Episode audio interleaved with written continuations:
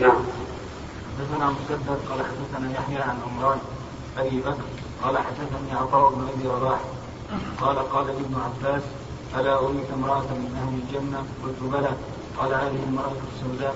اتت النبي صلى الله عليه وسلم فقالت إني أسرع وإني اتكشف فادعو الله لي. قال إن شئت صورت ولك الجنة وإن شئت دعوت الله أن يعافيك. فقالت أصبر. فقالت إني أتكشف. فادعو الله لي إلا اتكشف فدعا لها حدثنا محمد قال أخبرنا مخلد عن ابن جريج قال أخبرني عطاء أنه رأى أم زفر تلك المرأة الطويله السوداء على جهه ليش؟ تلك المرأة. عندنا تلك امرأة في النكرة بأل على ست الكعبة. نعم. هذا دليل على آه أن الصرع يصيب الرجال والنساء. وهذا هو الواقع. والصرع نوعان. صرع يكون بسبب أخلاق رديئة يتغير بها المزاج والمخ. فيحصل هذا التشنج. وهذا يرجع فيه إلى الأطباء. وصار آخر من الأرواح الشيطانية التي هي فيه كما قال المؤلف. فهذا دواؤه بالأدعية والآيات القرآنية. ولا يعرفه الأطباء ولا يعرفون سببه ولهذا ينكرونه ولكن إنكارهم له هو المنكر لأن هذا ثابت بالقرآن والسنة والواقع. في القرآن يقول الله عز وجل الذين يأكلون الربا لا يقومون إلا كما يقوم الذي يتخبطه الشيطان من المس. وفي السنة روى الإمام أحمد وغيره من أصحاب السنن بأسانيد جيدة أن الرسول صلى الله عليه وسلم مر بقوم وكان فيهم صبي مصحف فخاطب النبي صلى الله عليه وسلم الجني الذي فيه وقال له اخرج عدو الله إني رسول الله. فخرج. وبرئ الصبي وقد جود إسناد هذه الأحاديث ابن كثير رحمه الله. وأما الواقع فشاهد بذلك. شهودا متواترا لا يرتاب فيه أحد. في قديم الزمان وفي حديث الزمان. أن الجن يدخلون بني آدم ويصرعونه يصرعونهم إما عدوانا وظلما وإما عشقا وحبا وإما لغير ذلك. المهم أن هذا أن هذا أمر ظاهر مشهور. وقد ذكر ابن القيم رحمه الله في زاد المعاد عن شيخه ابن تيمية أنه جيء إليه المصلوب فجعل يكلم التي صرعت شيخ الإسلام رحمه الله. ويأمرها. وكان رحمه الله في أغلب الأحيان يقرأ في في أذن المصبوع قوله تعالى أفحسبتم أنما خلقناكم عبثا وأنكم إلينا لا ترجعون. فيخرج الجن إذا قرأ عليه في أذن المصبوع لكن هذه أبت وقالت له شيخ الإسلام إني أحبك قال هو لا يحبك فقالت إني أريد أن أحج به. قال هو لا يريد أن يحج معك. ثم قرأ عليها. وأبت فجعل يضربها. على رقبة الرجل يضرب رقبة الرجل ضربا يقول إنها أوجعت يده من الضرب. والرجل لا يحس. فقالت الجنية أخرج كرامة للشيخ. قال لها لا لا تخرجي كرامة. اخرجي طاعة لله ورسوله. رحمه الله. فخرجت. فأفاق الرجل المصروف. لما أفاق قال ما الذي جاء به إلى حضرة الشيخ؟ وش اللي جاب الشيخ الإسلامي؟ فقال سبحان الله ألم تحس بالضرب الذي كان له؟ قال والله ما أحسست به ولا سمعت ولا سمعت أني أخاطبه ولا شيء أبدا وهذا شيء متواتر مشهور أن الجن يصرعون بني آدم ويأكلون في أجساده هذه المرأة رضي الله عنها شكت إلى النبي صلى الله عليه وسلم أنها تصرع وأنها تتكشف فسألت النبي صلى الله عليه وسلم أن يدعو الله لها بالعافية ولكنه عرض عليها ثمنا أغلى من العافية وهو أن تصبر ولها الجنة فلله درها. قالت أصبر. فاصبر على ما يناله لأنه يتأذى الإنسان. يتكلف ولهذا يغمى عليه ويتصدر عرقا. فقالت أصبر. فصبرت لكن سألت النبي صلى الله عليه وسلم أن يدعو الله لها أن لا تتكشف فدعا لها ألا تتكشف فنالت خير الدنيا والآخرة رضي الله عنها وابن عباس يقول ألا أدلك؟ يقول العطاء ألا ألا أريك امرأة من أهل الجنة؟ إذا فنشهد لهذه المرأة بعينها أنها من أهل الجنة. هنا شوف عندكم يصرع من الريح الشكور فيها. قوله باب فضل فضل من يسر من الريح. انحباس الريح قد يكون سببا للصرع وهي عدة تمنع الأعضاء الرئيسة عن انتهائها منعا غير تام. وسببه ريح غليظة تتحبس في مناهج الدماغ أو بخار الرديء يرتفع إليه من بعض الأعضاء وقد يتبعه تشنج في الأعضاء فلا يبقى الشخص معه منفصلا بل يسقط ويقذف بالزبد بغلظ الرطوبة وقد يكون الصرع من الجن ولا يقع إلا من النفوس الخبيثة منهم إما لاستحسان بعض الصور الجنسية وإما لإيقاع الأذية به. والأول هو الذي يثبته جميع الأطباء ويذكرون علاجه والثاني يجحده كثير منهم وبعضهم يثبته ولا يعرف له علاجا إلا بمقاومة الأرواح الخيرة العلوية تندفع آثار الأرواح الشريرة السفلية وتبطل أفعالها وتبطل أفعالها. وممن نص منهم وتبطل أفعالها. وممن نص منهم على ذلك الفراغ فقال لما ذكر علاج المسروع هذا إنما ينفع في الذي سببه أخلاق وأما الذي يكون من الأرواح فلا نعم هل يستدل بهذا الحديث؟ ها؟ هل يستدل بهذا الحديث على عدم وجود الحجاب؟ كيف عرف انها سوداء عندما قال هذه المرأة سوداء؟ إيش؟ هل يستدل بهذا الحديث؟ اي على عدم وجود الحجاب؟ متى وجب الحجاب يا اخ العرب؟ متى وجب الحجاب؟ حياة الرسول اي متى؟ حياة الرسول من من من 40 سنة إلى 63 سنة 23 سنة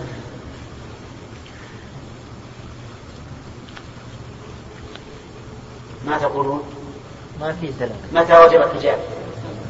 في السنة السادسة من الهجرة يعني مضى ست سنوات أكثر مقام الرسول في المدينة وليس هناك حجاب كل أحاديث ترد عليك مثل هذا إن دلت على أنه لا حجاب فهي قبل قبل الحجاب بارك في هذه النقطة. كل الأحاديث إذا وردت أحاديث ظاهرها عدم الحجاب فهي محمولة على ما قبل الحجاب. فإن لم يمكن فهناك حالات اقتضت ذلك قضية المرأة التي سألت الرسول عليه الصلاة والسلام وهو في حجة في حجة الوداع. عرفت؟ على أن السواد قد تكون هذه المرأة السوداء امرأة قبيحة من القواعد التي لا يرجو النكاح. وهذه يمكن أن تظهر يديها. والسواد لا يكون في الوجه فقط قد يكون السواد في الوجه وقد يكون. بل, بل إذا اسود الوجه اسود بقية الجسم إلا لمرض ثم قد تكون أمة أيضا. والأمة عند أهل العلم ليست كالحرة. لها أن تكشف وجهها إذا لم يحصل بذلك فتنة هنا وأظنكم من العرب. ها؟ عشان ما إذا لما قلت لك يا أخي العرب أخاف أنك يكون في نفسك شيء. أنا أنا من أخي العرب. نعم. ها؟ أبد لا بس عشان سوداء. يعني.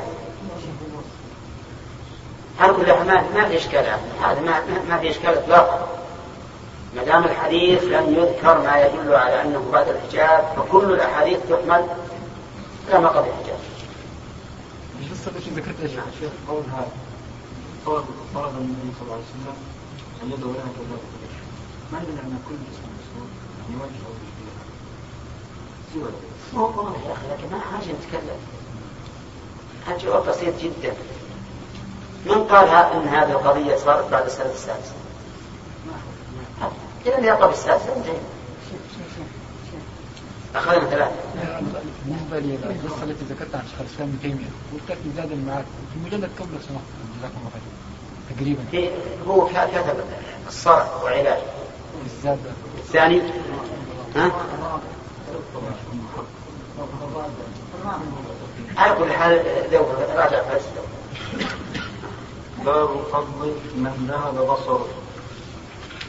حدثنا عبد الله بن يوسف قال أخبرني الليث قال حدثني ابن الهاد عن عمرو مولى المطلب عن أنس بن مالك رضي الله عنه قال سمعت النبي صلى الله عليه وسلم يقول إن الله قال إذا ابتليت عبدي بحبيبتين إذا ابتليت عبدي بحبيبتين فصبر عوضته عوضته منهما الجنة. يريد عينيه. تابعه اشعث بن جابر وأبو هلال بن هلال عن أنس عن النبي صلى الله عليه وسلم. نعم. هذا أيضا من نعمه الله عز وجل أن الله تعالى لما حرم هذا التلذذ بالنظر في المرئيات الحسنة وانقطاعه عن كثير من الأشياء التي تدرك بالبصر عوضه الله بذلك الجنه لو قال قائل هل نقول إنه يسن للإنسان أن يسأل الله العمى؟ ها؟ لا. ولا يسأل اللهم متعنا بأسمائنا وأبصارنا. لكن يسن أن يقول اللهم إني أسألك الجنة. والجنة تنال وغير هذه. أسباب دخول الجنة ونيل الجنة كثيرة جدا. لكن هذه من نعمة الله أن الله إذا ابتلى عبده بهذه المصيبة العظيمة. عوض الله عوضه الله بذلك الجنة. نعم. نعم. يجب نطلق لكن يستعمل الحديث المسلمين وش من اسر بارك الله فيك؟ اسر الكفار ولا اسر المسلمين؟ لا. اسر الكفار ما يجب الكفر مراد الحديث فك العاني أسير من المسلمين. يعني الكفار أسروا من نواحي يجب أن ننكره ها؟ في أسير المسلمين عند الكفار؟ نعم. بالنسبة للحديث المرأة هي قالت أنها تصمت مع أن العلاج ممكن أن يعالج تعالج منه هل معنى هذه الشخص الذي يمرض. أقول لها لا تعالج؟ لا أبدا هذه قضية عين أضوى عنه السبب هذا. يعني يكون الرسول عليه الصلاة والسلام قال هذا الكلام الله أعلم. هذه قضية علم عامة. ما قال الرسول من من صرع فلا يطلب الدواء بل يصبر نعم. هنا هو قال اصبري ولك الجنة. هذه قضية عين يمكن الرسول قال لها لسبب خاص فيها. ما ندري نعم.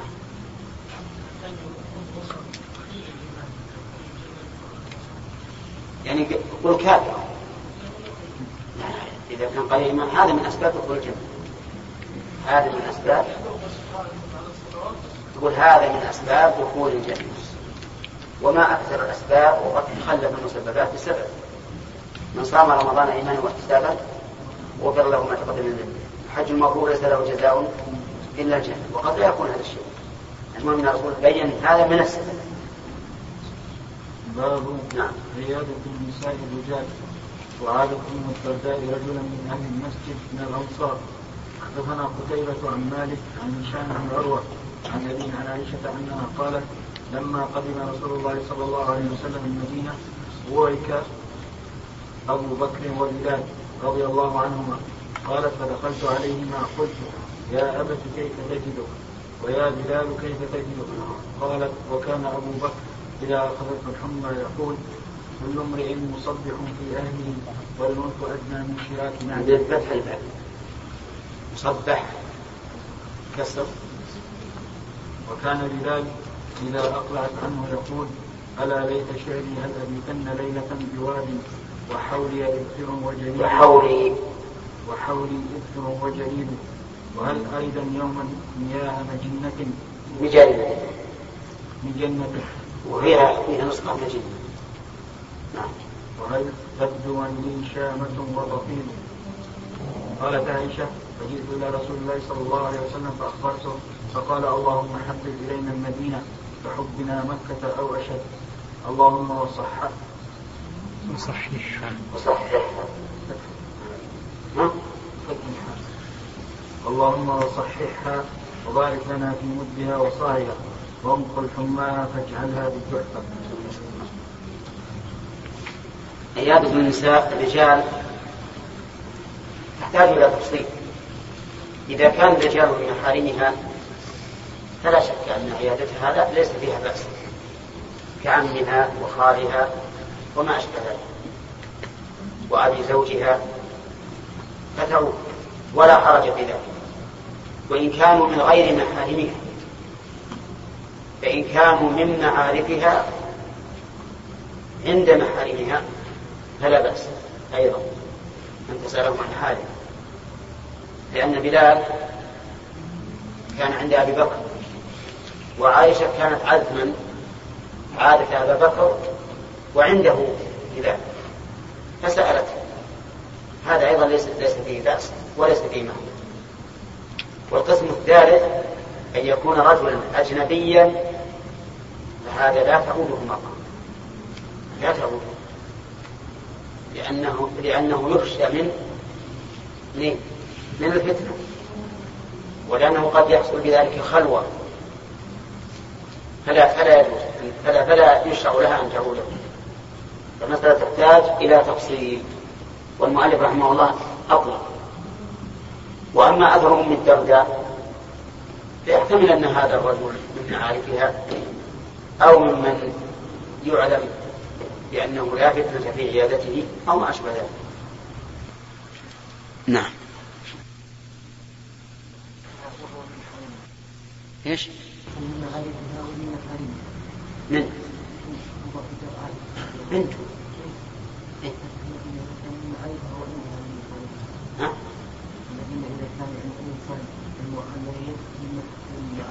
اي وعندها من محل أبو بلال رضي الله عنه. يعني هذه المريض من محارمها بالنسبة لأبي بكر. ومن معارفها بالنسبة لبلال. بالنسبة لبلال.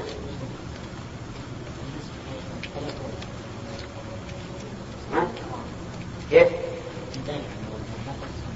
والله يختلف إذا كانت مثلا امرأة كبيرة والرجل هذا صغير يعني دون منه جرت جرى التواصل بينهم. والتعارف هذه ربما نقول لا بأس تزعم وتقول كيف فلان أو إذا خاطبها هو تقول كيف أنت وإلا فالأولى البعد عن الأسباب نعم. هل لا بغير التوكل عدم الأخذ بالأسباب؟ لا يا أخي. من الأخذ بالأسباب من تمام التوكل كان أبو بكر رضي الله عنه عندما تصدق المال في سبيل الله. نعم. الله ورسوله هذا لا أخذ الأسباب لأن يعني قوة توكله رضي الله عنه. سبب. وهو يعلم أن الله أن الله سيرزقه لأن هذا رزق يستفاد بالعمل. ويعلم أن الله لن يضيعه. لكن لو قال قائل أنا بنام الليلة هذه أشد ما يكون من البر. أبنام في السطح بثوب واحد حاسر الرأس. والقدمين واليدين. نعم. على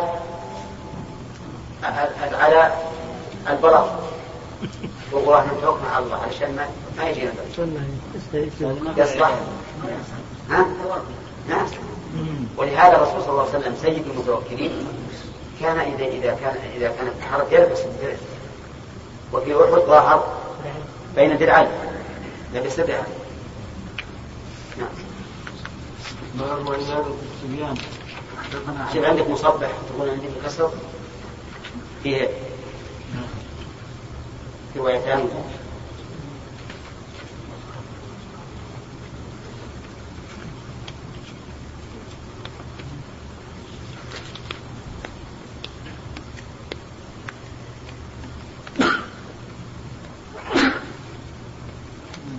رحمه الله لا شوف القصة الآن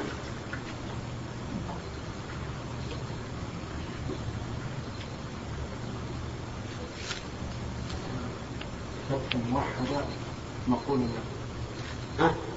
مقول له نقول له كل امرئ ها؟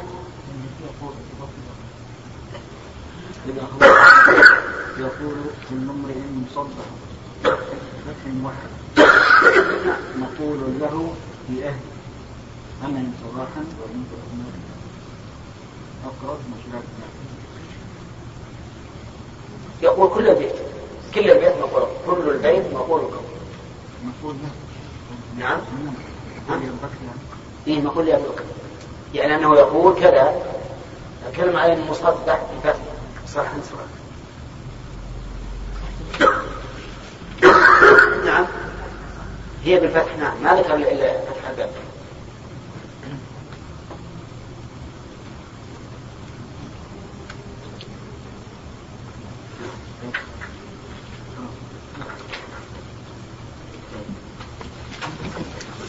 بعض الناس المصنف يظن انه ليس من بلد إيه.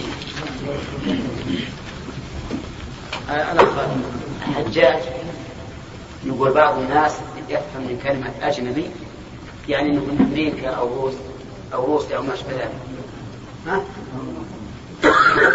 وليس كذلك. بل المراد بالأجنبي من ليس من المحارم. كمثل ابن العم أجنبي. وابن الخال أجنبي. وابن الأخت. ليس بأجنبي. إي نعم.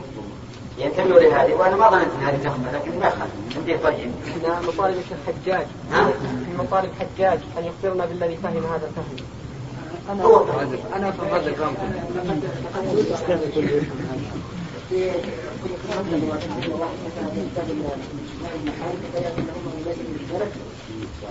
ده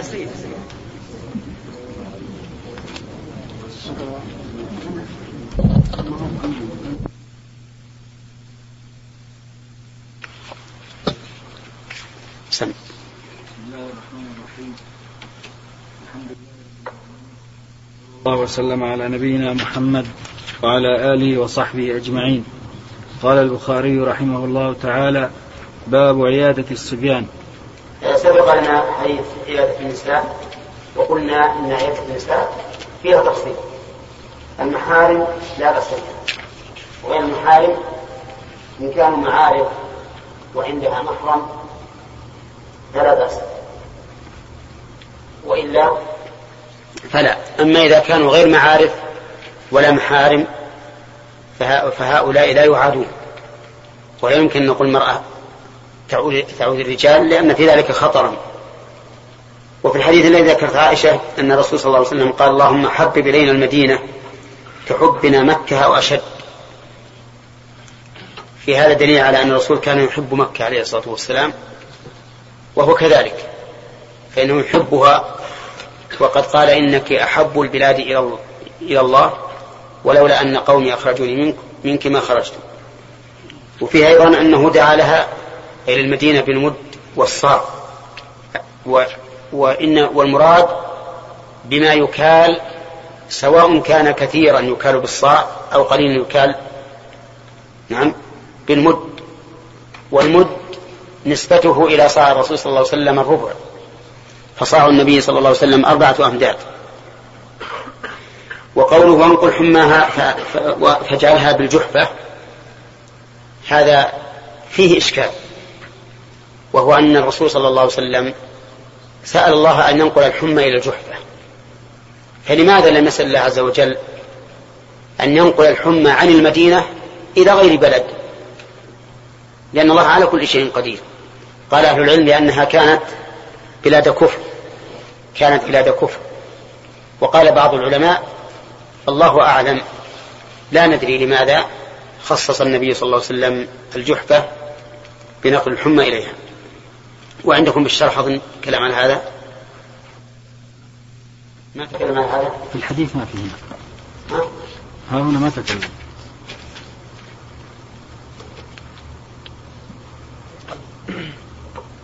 سبق في مقدم النبي صلى الله عليه وسلم المدينة.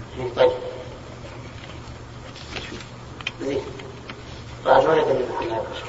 نعم. باب عيادة الصبيان. حدثنا حجاج بن منهال قال حدثنا شعبة قال أخبرني عاصم قال سمعت أبا عثمان عن أسامة بن زيد رضي الله عنهما أن ابنة للنبي صلى الله عليه وسلم أرسلت إليه وهو مع النبي صلى الله عليه وسلم وسعد وأبي. نحسب أن ابنتي نحسب أن ابنتي قد حضرت فاشهدها فأرسل إليها السلام ويقول إن لله ما أخذ وما أعطى وكل شيء عنده مسمى فلتحتسب ولتصبر. فأرسلت تقسم عليه فقام النبي صلى الله عليه وسلم وقمنا فرفع الصبي في حجر النبي صلى الله عليه وسلم ونفسه تقعقع ففاضت عين النبي صلى الله عليه وسلم فقال له سعد ما هذا يا رسول الله؟ قال هذه رحمة وضعها الله في قلوب من شاء من عباده ولا يرحم الله من عباده إلا الرحماء. أيضا عيادة الصبيان مشروعة لعموم دخول لدخولها في عموم قوله عيادة المرأة ولكن من المعلوم أن الصبيان يكونون مميزين ويكونون غير مميزين. فإن كانوا مميزين كان في ذلك جبرا لقلوبهم وقلوب أهلهم وإن كانوا غير مميزين ففيه جبر لقلوب الأهل. وفي هذا الحديث أيضا دليل على رقة النبي عليه الصلاة والسلام ورحمته حيث فاضت عيناه لما رأى هذا الصبي نفسه تقعقع وفي لفظ آخر كأنها في شنة يعني تكسر. فبكى النبي عليه الصلاة والسلام فاضت عيناه لأنه أرحم الخلق بالخلق. وفيه دليل على أن من وفق لرحمة من يستحقون الرحمة فإن ذلك سبب لرحمة الله إياه. أما من لا يستحق الرحمة فلا ترحمه قال الله تعالى محمد رسول الله والذين معه أشداء على الكفار رحماء بينهم. يا أيها النبي جاهد الكفار والمنافقين واغلظ عليهم والغلظة ضد الرحمة. لكن من يستحق الرحمة إذا رحمه الإنسان؟ كان ذلك من أسباب رحمة الله إياه. وفيه إثبات الرحمة لله عز وجل لقوله وإن ولا يرحم الله من عباده إلا الرحماء إلا الرحماء. والمراد هنا أن الرحماء يستحقون الرحمة. وليس يعني أنه لا رحمة إلا لهم فالحصر هنا إضافي وليس حصرا حقيقيا بمقتضى قواعد البلاغة. ورحمة الله سبحانه وتعالى دل عليها السمع والعقل والواقع. دل عليها السمع والعقل والواقع. أما السمع فكثير من آيات القرآن الكريم تختم باسم الله الرحيم الذي هو دال على الرحمة. ووصف الله نفسه بالرحمة في قوله وربك الغفور ذو الرحمة وفي قوله ربنا وسعت كل شيء رحمة وعلما وأما العقل فلأن الرحمة صفة كمال. الرحمة في موضعها صفة كمال. وكل صفة كمال فلله سبحانه وتعالى أكملها. وأما الواقع فكل ما بنا من نعمة أو اندفاع نقمة فهو من آثار رحمة الله عز وجل. ولولا رحمة الله تعالى بنا ما حصلت لنا هذه النعم وانتفعت عنا تلك النقم. فقد دل عليه إذن السمع والعقل والواقع. وبعض العلماء يجعل دليل الواقع دليلا عقليا. يجعله دليلا عقليا تمشيا مع الأشاعرة الذين أنكر الذين أثبتوا من صفات الله ما أثبتوا وهن سبع صفات بحجة أن هذه الصفات دل عليها العقل. ثم ذكروا القياس العقلي في في الدلالة على هذه الصفات فقال بعض العلماء نحن أيضا نقول لكم كما تقولون أنتم بالنسبة لإثبات الرحمة. ونقول إذا قلتم إن التخصيص دليل على الإرادة فنقول لكم والنعم دليل على إيش؟ على الرحمة. النعم دليل على الرحمة. لولا رحمة الله ما أنعم على عباده ولا دفع عنهم النقم. وأظن هذا البحث سبق لنا ولعلكم تستحضرونه ما أدري بعضكم هل يفهمه تماما كخالد. نعم. ها؟ إيه. إيه لا بأس إذا أن نذكر شيئا من هذا. نقول مثلا ما هو الأصل في إثبات صفات الله؟ ها؟ الأصل في إثباتها السمع. السمع وهو الكتاب والسنة. ولهذا نقول إنها توقيفية. لا نثبت لله إلا ما أثبته لنفسه وأثبته له رسوله. هذا هو الأصل. ثانيا هل العقل هو الدليل لإثبات الصفات أو نفيها؟ الجواب لا. ليس هو العقل ليس العقل هو الدليل.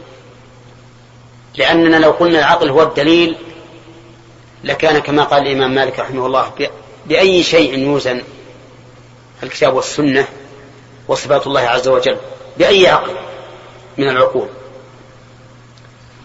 ثم نقول اعتمد أكثر أهل التعطيل من الأشاعرة والمعتزلة والجهمية اعتمدوا في إثبات الصفات أو نفيها عن الله على العقل.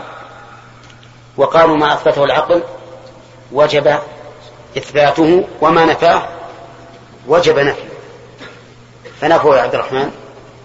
نفوا الاستواء واليد والوجه والعين وما أشبهه بحجة أن العقل ينفيها عن الله عز وجل.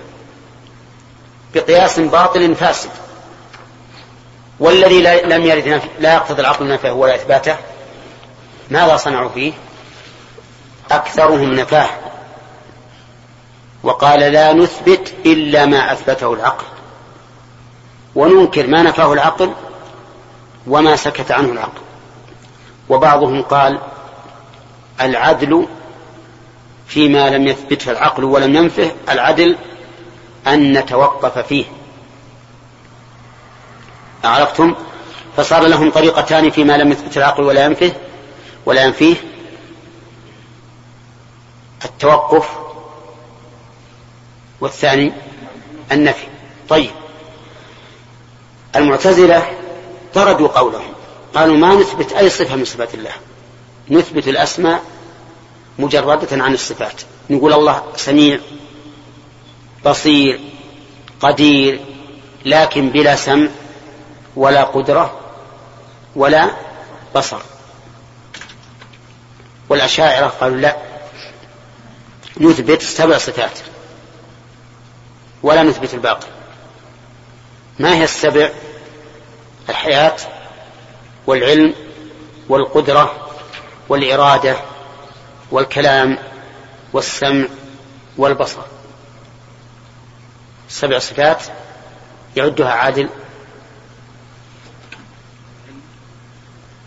وما نبدأ بالأول.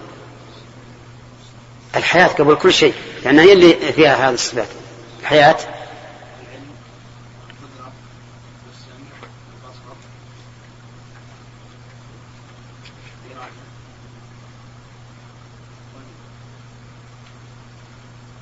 باقي واحد. لا ما نبي مجموعة. هات الواحد الباقي. اي أجل هي. دور غيرك. إبراهيم؟ ها؟ لا. لا. لا تعد. لا. ذكرها. ها؟ الكلام. الكلام. هذه سبع صفات. يقولون إن العقل دل عليها.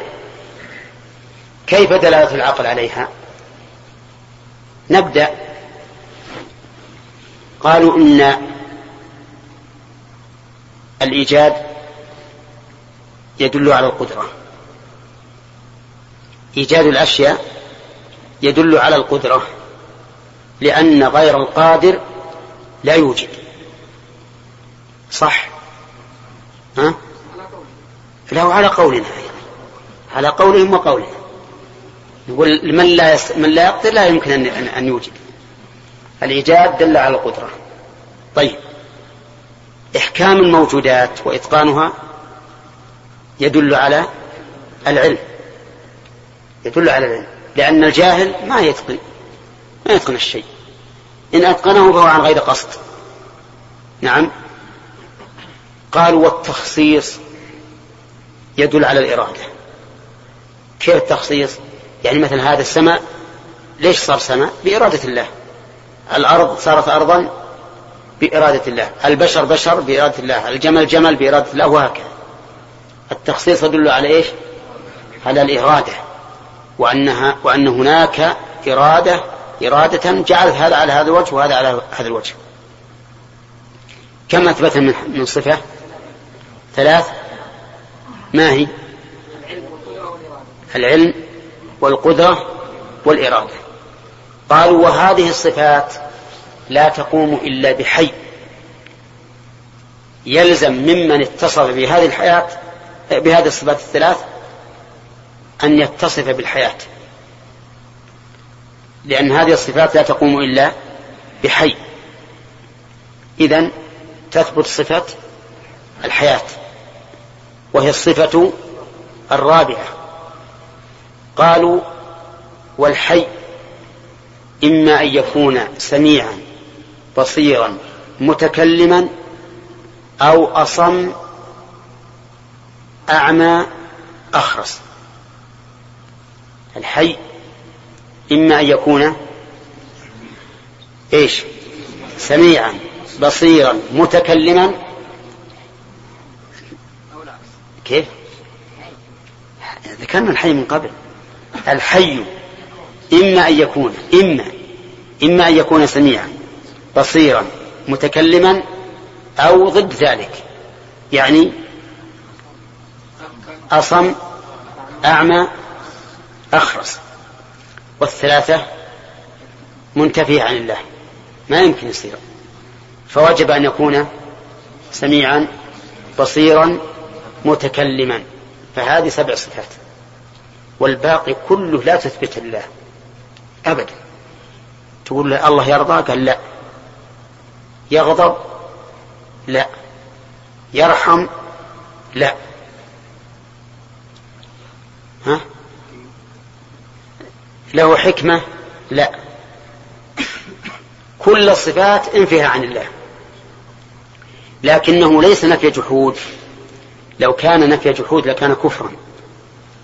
لكنه نفي تأويل. تأويل. يقولون الرحمة ما هي رحمة؟ الله ما له رحمة. ما معنى رحمته؟ إرادة الإحسان. يريد. يرحم يعني يريد أن يحسن. ليش قالوا يريد أن يحسن؟ لأنهم يثبتون الإرادة. فصح أن يقول يريد أن يحسن. طيب أنتم استدللتم على هذه بالعقل؟ ونحن إذا تنزلنا معكم وقلنا نحكم العقل فما تقولون في هذه الخيرات التي تثرى على على العباد؟ خيرات عظيمة. وش تدل عليه؟ على الانتقام ولا على الرحمة؟ ماذا يقولون؟ ضروري يقولون الرحمة. إذا أثبت الرحمة بهذا الطريق. فقل جلب النعم التي لا تحصى ودفع النقم التي لا تحصى دليل على الرحمة. ودلالة هذه على الرحمة أظهر وأبين من دلالة التخصيص على الإرادة. أولى. ها؟ هم يقولون التخصيص السماء سماء والأرض أرض يدل على الإرادة. نحن نقول هذه النعم تدل على الرحمة أكثر من دلالة التخصيص على الإرادة. وإذا شئتم أن نبرهن لكم على ما قلنا اسأل أي عام. تعال المطر اللي نزل. وأنبت الأرض أنبت الله به الأرض. نعم وشبعت الأنعام ودرت الظهور وش يدل عليها؟ على النقمة ولا على الرحمة؟ وش بيقول لك؟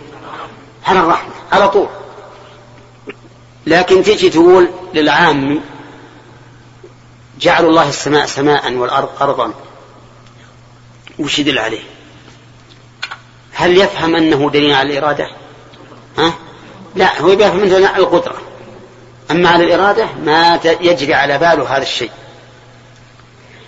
فالمهم بارك الله فيكم أن أهل السنة والجماعة يثبتون لله كل ما أثبته من الصفات من رحمة وغيرها لكن بلا تكييف ولا تمثيل. بلا تكييف ولا تمثيل. والله الرسول يقول إنما ما لا يرحم الله إلا الرحماء لا يرحم الله من عباده إلا الرحماء هنا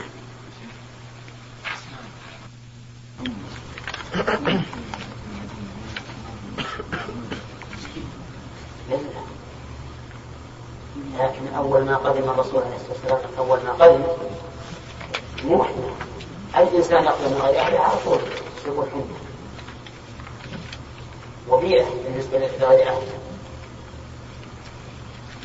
نعم. شاكر. شيخ بالنسبة للذين أثبتوا السبع ممكن طيب عن طريق العقل نثبت لهم أكثر من ذلك؟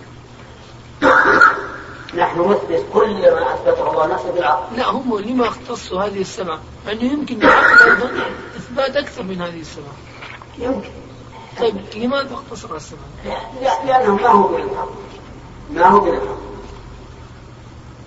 الشيخ الشيخ هذا الحصر لماذا لا يكون حقيقيا؟ ولا يرحم الله من عباده. يعني في ناس من المؤمنين عندهم شيء من الغلظة بس يكون عنده شيء من الرحمة. أو في عنده رحمة وغلظة قد لا يكون عنده إطلاق الرحمة للخلق إذا الله لا يرحمه يا شيخ ما لو كان مؤمن. إيه؟ لو كان مؤمن. لو كان مؤمن يقيم الصلاة ويؤتي الزكاة كل شيء يعمله لكن ما في قلبه رحمة. للناس لكن يا شيخ مثل هذا لا يخلو أن يكون فيه رحمة. هذا المؤمن الذي يفعل هذه الأفعال. ما ثم الرحمة جنب رحيم. نعم. يبقى صيغة مشبهة نعم. باب عيادة الأعراب. حدثنا معل بن أسد قال حدثنا عبد العزيز بن مختار قال حدثنا خالد عن عكرمة عن ابن عباس رضي الله عنهما أن النبي صلى الله عليه وسلم دخل على أعرابي يعوده قال وكان النبي صلى الله عليه وسلم إذا دخل على مريض يعوده قال له, قال له لا بأس طهور إن شاء الله. قال قلت طهور؟ كلا بل هي حمى تفور أو تثور على شيخ كبير تزيره القبور. فقال النبي صلى الله عليه وسلم فنعم إذا. وصير الأول يقول لا بأس ضرور إن شاء الله. لكن هو يمكن تعبان منه. يقول كلا. يعني ليس ضرورا نعم. أو كلا يعني لا لم ينتفي البأس. يحتمل هذا وهذا.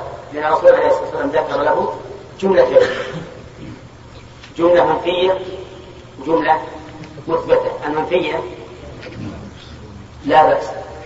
والمثبتة ضرورة والذي يغلب على الظن لأن هذا أعرابي مؤمن إن شاء الله صحابي.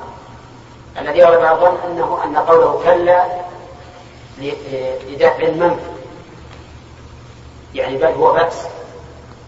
ولهذا قال هي حمى تقور على شيخ كبير تزيره القبور. يعني مولد. نعم. هذه ثم سوف تميته حتى يزور القبور. ألهاكم التكاثر حتى زرتم المقابر قال النبي صلى الله عليه وسلم فنعم إذا يعني لك ما ما قلت. ولهذا ينبغي للإنسان أن لا يطلق لسانه الأمور التي يتشاءم منها. كما قال الشاعر احذر لسانك أن تقول فتبتلى إن البلاء موكل بالمنطق. يعني لا تقول شيئا تتشاءم به فإن البلاء موكل بالمنطق في هذا الحديث الضعيف البلاء موكل بالمنطق. طيب شوف يقول فنعم إذا قوله. يقرأ نعم. القسطلاني ولا الفتح؟ لا فتح